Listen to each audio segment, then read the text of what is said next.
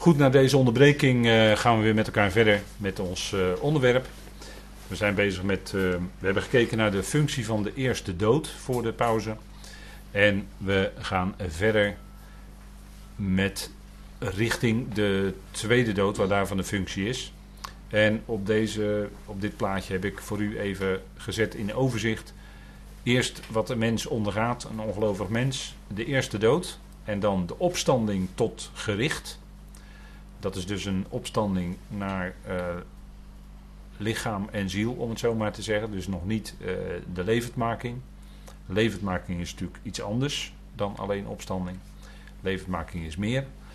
De opstanding tot het gericht, dat is uh, de grote witte troon. En het gericht is natuurlijk bedoeld, hè, dat, is, dat is ook wat het woord rechtvaardig in zich heeft. En richten, dat heeft te maken met een woord uh, in de grond van de zaak, dat woord heeft te maken met recht. Recht doen. God zal daar bij die grote witte troon ook recht doen. Hij zal ook recht zetten. Er was natuurlijk in, in mensenlevens, in heel wat mensenlevens, is ontzettend veel dingen krom verkeerd. En nu bij de grote witte troon worden die dingen rechtgezet.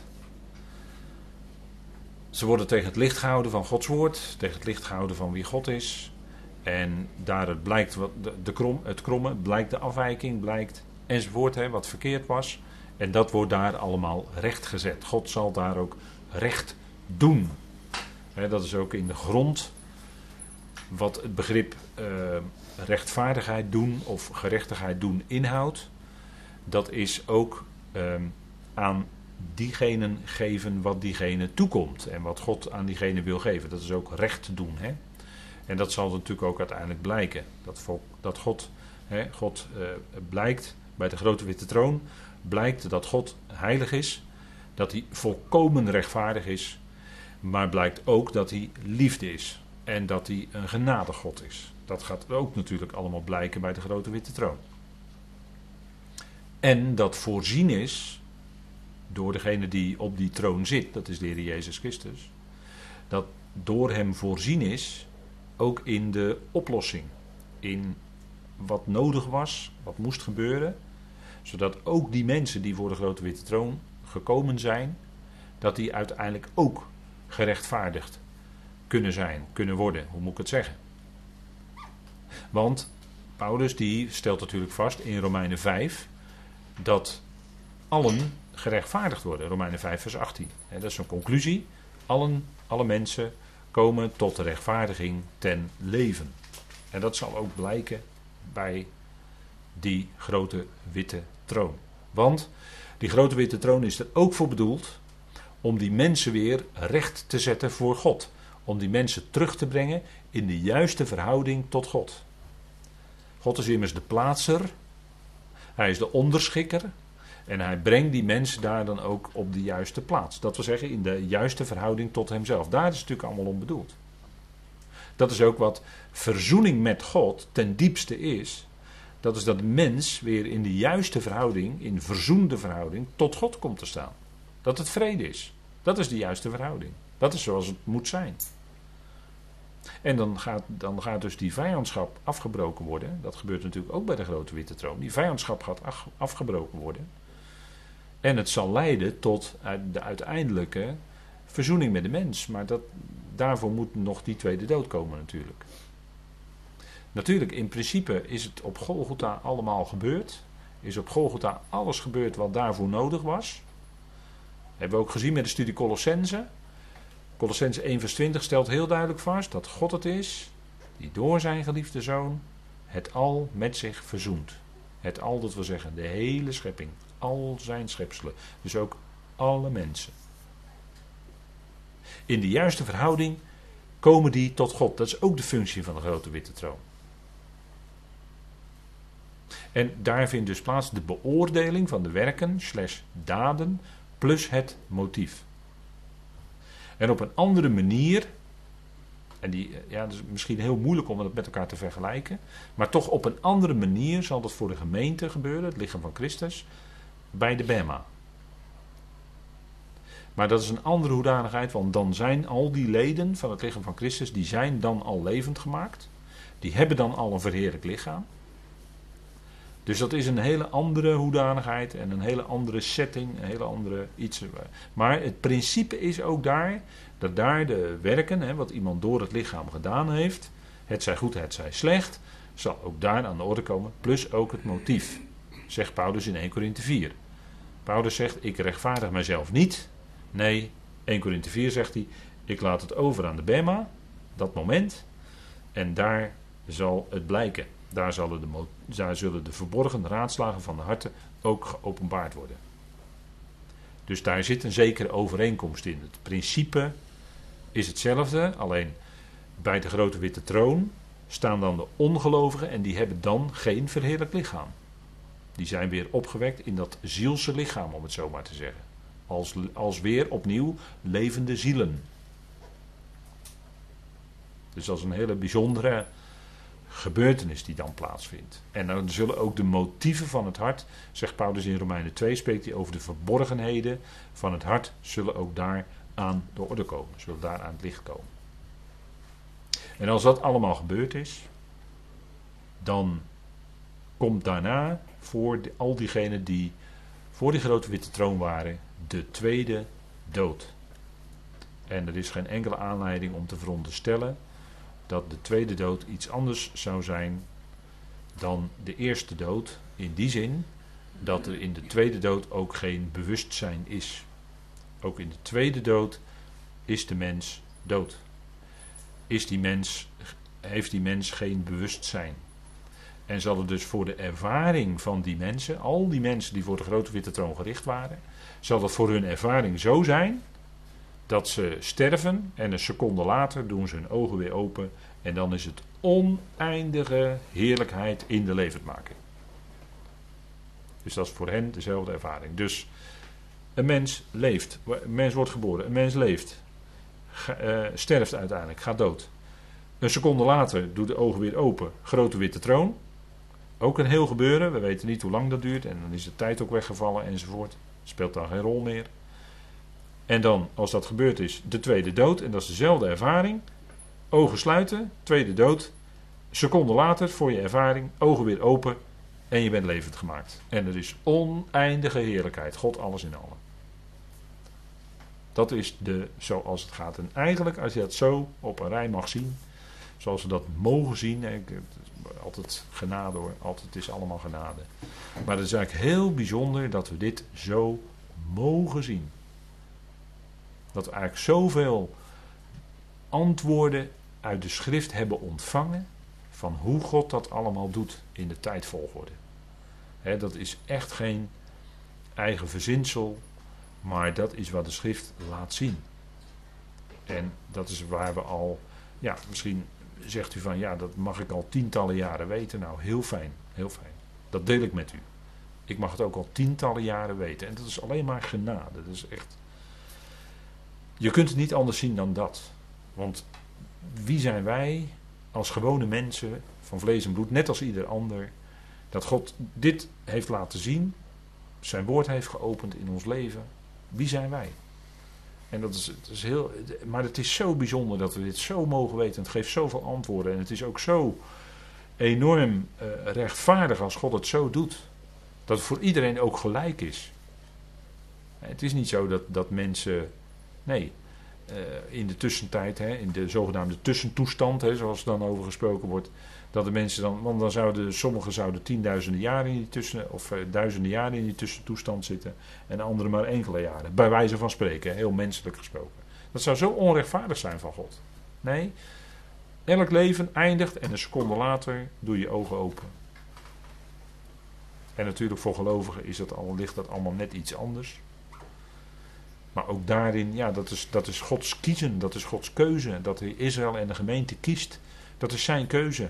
Ja, dat is God. God kiest. En dan kun je natuurlijk allerlei menselijke overwegingen hebben. Maar dat zijn menselijke overwegingen, dat zijn menselijke redeneringen. En uiteindelijk, als het erop aankomt, als we nadenken over hoe God dat doet en waarom God dat doet, ja, kun je allemaal menselijke overwegingen bij hebben. Maar dat geeft uiteindelijk toch geen antwoord. Antwoord geeft dat wat de schrift zelf laat zien. En, en onder gelovigen merk je dat oh zo snel, dat men Dan, dan, denk je al, dan hoor je iemand praten en dan denk je van, ja, maar dit is menselijke redeneren wat je doet. En dat is toch niet helemaal eerlijk, want wat laat de schrift nou zien? En, en daaraan, daar onderschikken we ons aan. En het punt van, ja, um, onderschikken, dat is, dat is natuurlijk eh, eigenlijk waar het, waar het eigenlijk God om te doen is, vanuit zijn liefde. Natuurlijk al wat we bespreken, ook in de openbaring, al die ernstige gerichten en enorm wat er nog allemaal gaat komen. En ik wens het niemand toe. En toch zullen vele mensen op deze aarde dat overkomen. De, maar dat is ten diepste toch allemaal vanuit Gods liefde. Hoe onbegrijpelijk dat ook lijkt. Maar zijn hart is liefde en daar komt alles uit voort. En als je vanuit het einddoel, als je het einddoel van God mag kennen, dat God alles in alles zal zijn, als je dat weet, en je gaat dat in de loop van de tijd steeds meer beseffen wat dat betekent, dan kun je vanuit het einddoel ook steeds meer gaan begrijpen, stapje voor stapje, dat is een heel groeiproces, maar dan kun je stapje voor stapje gaan begrijpen waarom het Gods liefde is dat hij het zo doet. En dat is een stukje erkenning van God. Daar bidden we om, hè, Colossense 1 dat we mogen groeien in de erkenning van God. Dat is niet zomaar kennis hebben over God, nee, dat is echt Hem erkennen als onderschikker, als degene die alles op zijn, op zijn plaats, op zijn plaats zet, ook in ons leven. Hoe pijnlijk dat ook soms misschien kan zijn, maar Hij zet alles op de juiste plaats. En dat is toch ook, dat is ook weer uiteindelijk ten diepste zijn liefde, dat hij dat zo doet. Zo is vader met een hoofdletter. Liefde. Hij handelt vanuit zijn liefde met ons als zonen. En het kan ook wel eens zijn, Hebreeën 12, dat hij inderdaad in de onderschikking, dat hij iets inzet in ons leven, waarvan wij dan zeggen met een Nederlands woord, ja, tucht vind ik zo'n, ja, dat is misschien een archaïsch woord ook, en daar heeft hij misschien allerlei uh, vervelende associaties, vervelende gedachten bij. Uh, nou, dan noem ik het opvoeding. Maar dat is wat vader doet met een hoofdletter.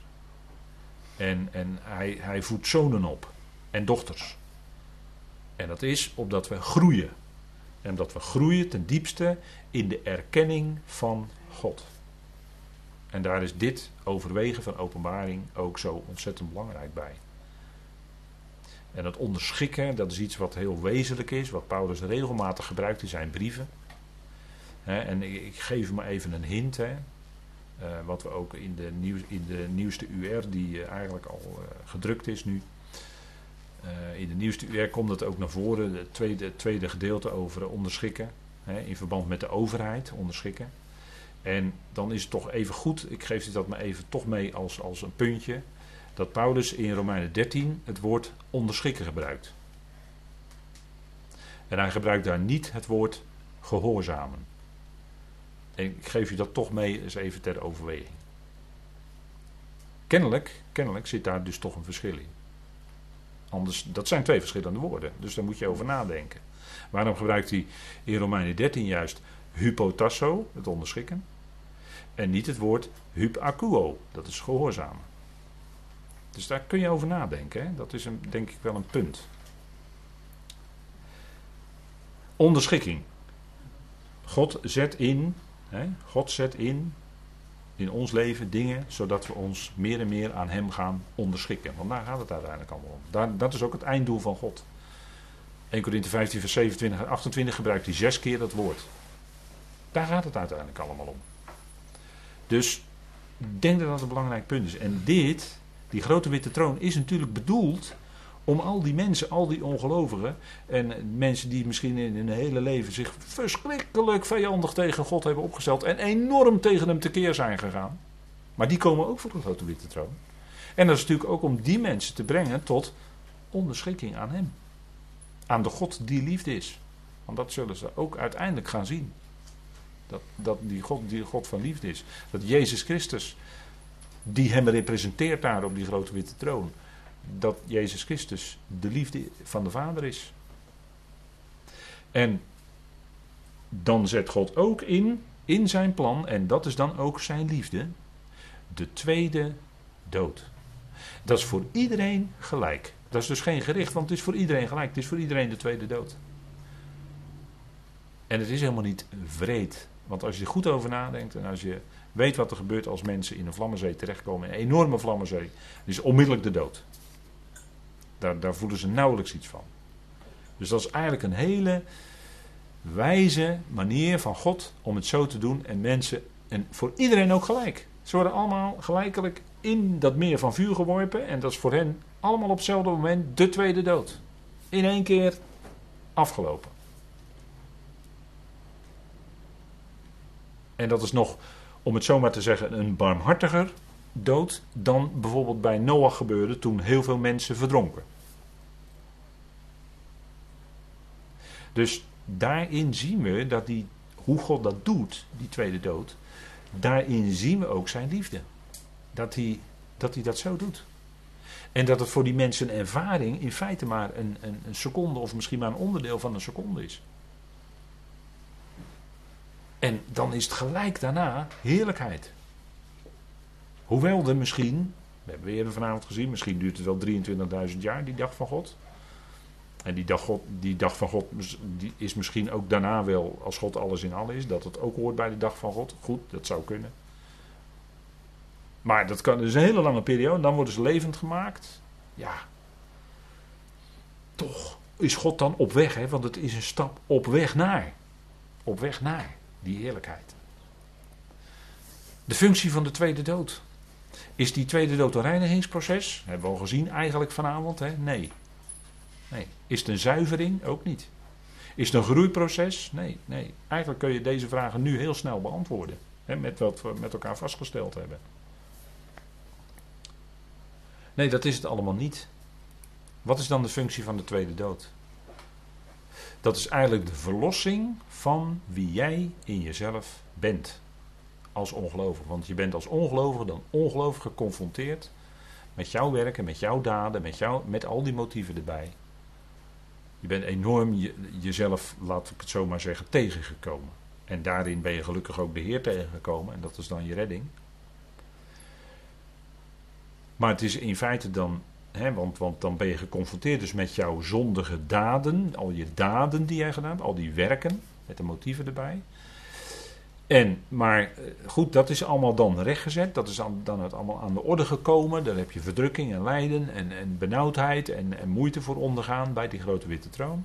En dan is het uiteindelijk, ja, blijkt dat die Heer die op die troon zit ook jouw redder is.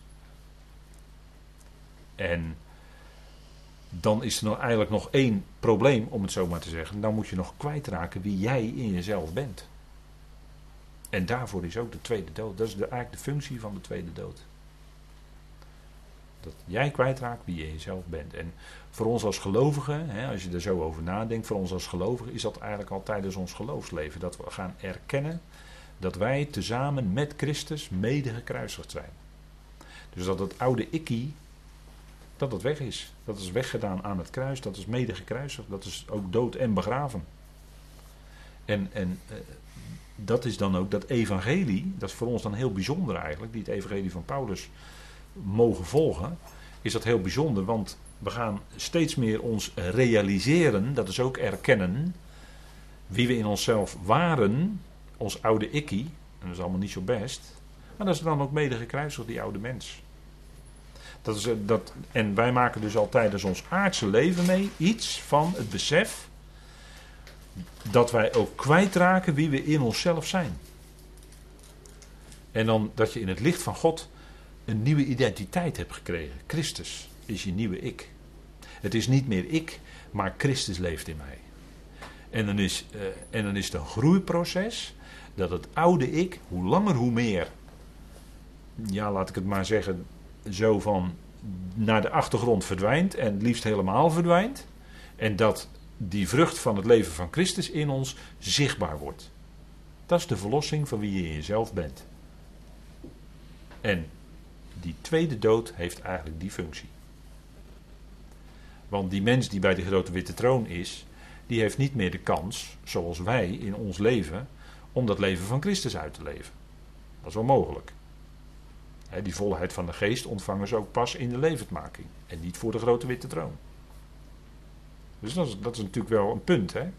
Nou, die tweede dood is er dan voor bedoeld. Hè? Dus dan de functie van de tweede dood. Dat we kwijtraken wie, wij, wie die mens in zichzelf is. Wij niet, wij, wij zijn leden van het lichaam van Christus. Wie die mens in zichzelf is. En, nog een andere functie is, het is ook een wachtkamer. Het is een wachtkamer voor de levendmaking. Want eerst moet er op die nieuwe aarde en in die nieuwe hemelen nog een heel proces plaatsvinden. Namelijk dat Israël nog zal regeren over de volkeren. En dat het geboomte van het leven is nog, hè, de bladeren van het geboomte van het leven is nog, nog tot heling van de volkeren. Enzovoort, enzovoort. Hè. Alles wat daar, dat zullen we nog tegenkomen. En in de hemelse bereik, in de hemelse regionen, om het zo maar te zeggen, zijn wij als leden van het lichaam van Christus dan nog steeds bezig met Hem om die hemelse machten en krachten tot onderschikking aan Hem te brengen. Dus daar is ook nog een heel proces. Dat duurt ook nog een hele aion. En in de tussentijd zitten dus al die mensen, om het zo maar even te zeggen, in de wachtkamer van de tweede dood. En die wachten op hun levendmaking. Maar die zullen er ook allemaal komen. Al die ongelovigen, iedereen die voor de grote witte troon komt, ook die zullen allemaal levend gemaakt worden. Dus dat is hoe Gods plan zich dan ontwikkelt. Hè? Nou, dus die functie is dan verlossing wie je jezelf bent. En dan is het ook goed om af te sluiten met het einde. Wat is nou het einde van de tweede dood? Hè? Want dat is wat veel mensen toch niet. Ja, wat je in gesprekken met mensen merkt. Dat ze dat toch een moeilijk punt vinden. Dat er ook een einde komt aan die tweede dood. Maar Paulus geeft daar antwoord op. En als je die dingen goed naast elkaar legt. Dan kun je eigenlijk niet anders concluderen dan dat in 1 Corinthië 15, vers 26 de dood wordt bedoeld, ja zeker, maar dat is dus, dus ook de tweede dood. Punt is dat de laatste vijand die buiten werking gesteld wordt, zegt Paulus daar, is de dood. En als je de dingen op een rij zet, dan moet dat eigenlijk de tweede dood zijn. Want als die dood de laatste vijand is, dan kan dat niet de eerste dood zijn. Want als er daarna nog een tweede dood blijkt te zijn, dan moet dat dus de laatste vijand zijn. Want het gaat hier om de laatste vijand die buiten werking gesteld wordt. En dan zijn al die andere vijanden dus, die zijn al buiten werking gesteld. Hè? Dus ook die geestelijke machten en krachten en noem maar op. Die zijn dan ook allemaal ontroond. Alle menselijke vijanden, noem alles maar op. Alle vijanden zijn buiten. En dan is er nog één vijand en dat is de dood. En dat kan dus niet anders zijn dan de tweede dood. En ook die wordt buiten werking gesteld. Want al die vijanden moeten onder de voeten van Christus gesteld worden, zegt 1 Corinthië 15. En er wordt specifiek dan vermeld dat de laatste vijand de dood is. En dat moet dus de tweede dood zijn. Dat kan niet anders. Tot die conclusie, je kan niet tot een andere conclusie komen. En als dat gebeurt, als dus die doodtoestand, hè, de, als die buiten werking gesteld wordt, hè, wat, wat heb je dan? Als de dood buiten werking gesteld wordt, wat heb je dan? Leven, leven natuurlijk, leven. Dan heb je leven. Dat kan niet anders. Als er geen dood meer is, dan is er dus uitsluitend en alleen leven. En het punt is, en dat vind ik geweldig van de schrift. Kijk, wij hebben met onze redeneringen niet het laatste woord. Nee, God heeft het laatste woord. En wat zien we dan?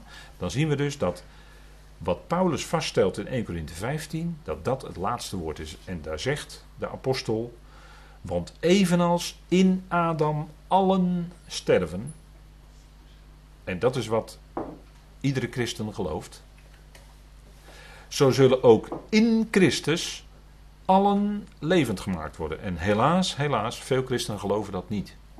Maar het gaat om diezelfde allen. Er is geen spel tussen te krijgen. In Adam allen sterven. Zo zullen ook in Christus allen levend gemaakt worden. Dat is wel even van belang, hè? Van belang. Dat is de Griekse volgorde van de tekst, hè? Dat is wel van belang. En daarom willen we als vertaal, vertalers altijd opletten.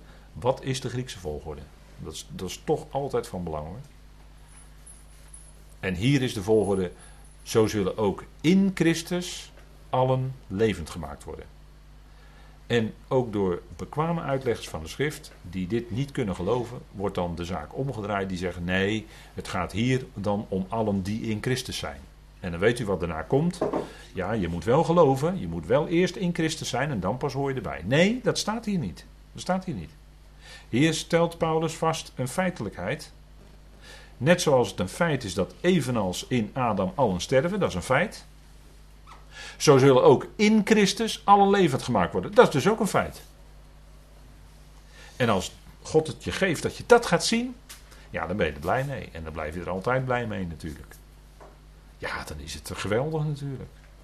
En in het verlengde daarvan gaat Paulus dan vaststellen dat die levendmaking in groepen gebeurt. Hè. De eerste in Christus en vervolgens die van Christus zijn in zijn parousia. En later blijkt dat, of dat blijkt dus uiteen te vallen in twee parousia-momenten. Dat is wat als hij in de lucht 1 Thessalonicense 4 zijn parousia heeft voor de gemeente.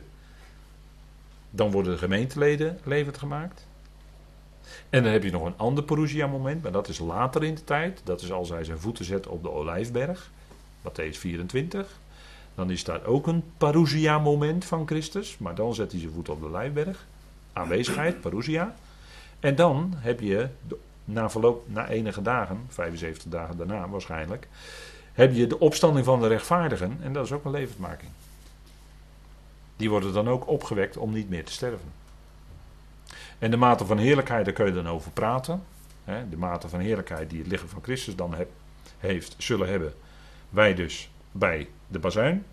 En de mate van heerlijkheid die de rechtvaardigen van Israël en, en eventueel nog anderen die opstaan bij de opstanding van de rechtvaardige, mate van heerlijkheid die die hebben. Goed, daar kun je over praten. Daar is waarschijnlijk verschil in heerlijkheid, uh, mate van heerlijkheid van het lichaam. Goed, goed. Maar het punt is dat die, dat is de twee, hè, Christus als eerste ding. Vervolgens die van Christus zijn in zijn parousia.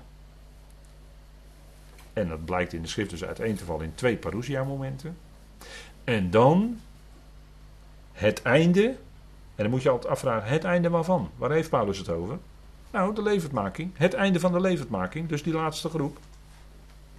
Wat zegt hij dan? Daarna het einde. En dan zegt hij wanneer, en dan gaat hij er even over uitweiden, wanneer hij alle kracht en macht en alles onder zijn voeten gesteld is en alle vijanden uitgeschakeld zijn. En dan zegt hij de laatste vijand, die buiten werking wordt gesteld, is de dood. En dat is de tweede dood, want die moet wijken. Want allen, hè, Paulus had eerst vastgesteld, door God geïnspireerd, dat allen levend gemaakt zullen worden in Christus. En dat moet dus gebeuren. En dan moet die dood dus wijken. En dan zal dus die dood zal weg zijn. En daarmee ook de zonde. Als de dood weg is, is ook de zonde weg. En die keert ook nooit meer terug. De dood keert niet meer terug. En de zonde dus ook niet. Dat is gewoon één op één. En dan is God alles in allen. En dan heb je inderdaad, dan heb je de echte eeuwigheid, om het zo maar te zeggen. Dat is de oneindigheid. Hè? Dat zal geen einde meer zijn. Daaraan zal geen einde meer zijn. Kijk, God heeft het laatste woord. God is de God van leven. God is geest. En leven is altijd verbonden met geest. In de schrift wordt het leven en de oorsprong van het leven altijd verbonden met geest, met God dus. De ziel niet. De ziel is er pas, een levende ziel is er pas, als die levensadem van God, als het leven van God erin geblazen is. Die geest van God erin is. Dan is er pas sprake van een levende ziel. Maar die ziel op zichzelf heeft geen leven. Kan niet. Onmogelijk. Dus in de schrift is leven altijd verbonden met God, met de geest. God is geest. Dat is een letterlijke waarheid. En hij geeft leven uiteindelijk aan iedereen. En dat is een geweldig evangelie. Dat is goed nieuws. Dat is werkelijk een goed bericht. Dat is werkelijk heerlijk als je dat aan anderen bekend kan maken. En het is geweldig fijn als andere mensen dat ook gaan zien. Als God dat geeft. Dat ze het gaan zien. Dat is fantastisch. dat is het uitzicht wat we mogen hebben. Die heerlijkheid, dat leven. Dat, dat is wat God geeft. En ja, dat is zo bijzonder. deze boodschap die, uh, ja, die wordt uh, steeds meer gehoord gelukkig. Er zijn steeds meer stemmen die dat uh, bekendmaken, die dat rondbazuinen. En dat uh, kunnen we niet genoeg doen. Heerlijk, dat leven, hè. Dat is, dat is, ja, dat is de waarheid. Als die waarheid aan het licht komt, dan komt er ook leven. Dat is allemaal met elkaar verbonden. Gods woord is een levend woord. En dat maakt ook mensen levend. Zijn woord, als hij dat spreekt, dan geeft dat leven. Lazarus hierheen eruit. En hij had ook kunnen zeggen hierheen eruit, maar dan was iedereen opgestaan.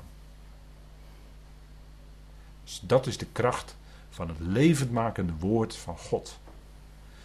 En niet alleen in het woord is leven, maar het woord brengt ook leven. En dat houdt je ook levend als gelovige. Colossense 3, vers 16, waar we binnenkort aan toe hopen te komen in de besprekingen, zegt ook: laat het woord van Christus rijkelijk in jullie inwonen. Staat twee keer dat in, hè, in die zin. Laat dat rijkelijk in jullie inwonen. Dat wil zeggen, neem dat tot je. Laat dat woord in je werken, want dat is een levend woord. En dat doet je ook leven in de praktijk. Dan ervaar je dat leven van Christus in je. En dat kun je dan ook uitleven. Dat is het nieuwe ik. Christus, in Christus. Hè. Wij mogen nu al beseffen te zijn in Christus. En we zien elkaar ook aan in Hem. En dan zie je voorbij in liefde aan de ongemakken, aan de gebreken, aan noem maar op. We doen over dat alles aan, zegt Paulus ook. De liefde, hè, dat, is, dat is eigenlijk die, die, die overkoepelende mantel, zou je kunnen zeggen, die we over dat alles heen aandoen. De liefde als de band van de rijpheid. En dat is, uh, ja, als je er groeien mag en in de diepte, in de liefde, dat gaat met elkaar op. Hè. Groeien in de erkenning van God betekent ook tegelijkertijd groeien in de liefde. Kun je daarin groeien? Jazeker, want het is de band van de rijpheid, zegt Paulus ook. Of volwassenheid. De liefde. Over dat alles heen. De liefde aandoen. Daar gaat het uiteindelijk allemaal om. En wat een liefde heeft God dan in zijn plan neergelegd. Als je dat gaat zien. Dat God je onderwijst door tegenstellingen.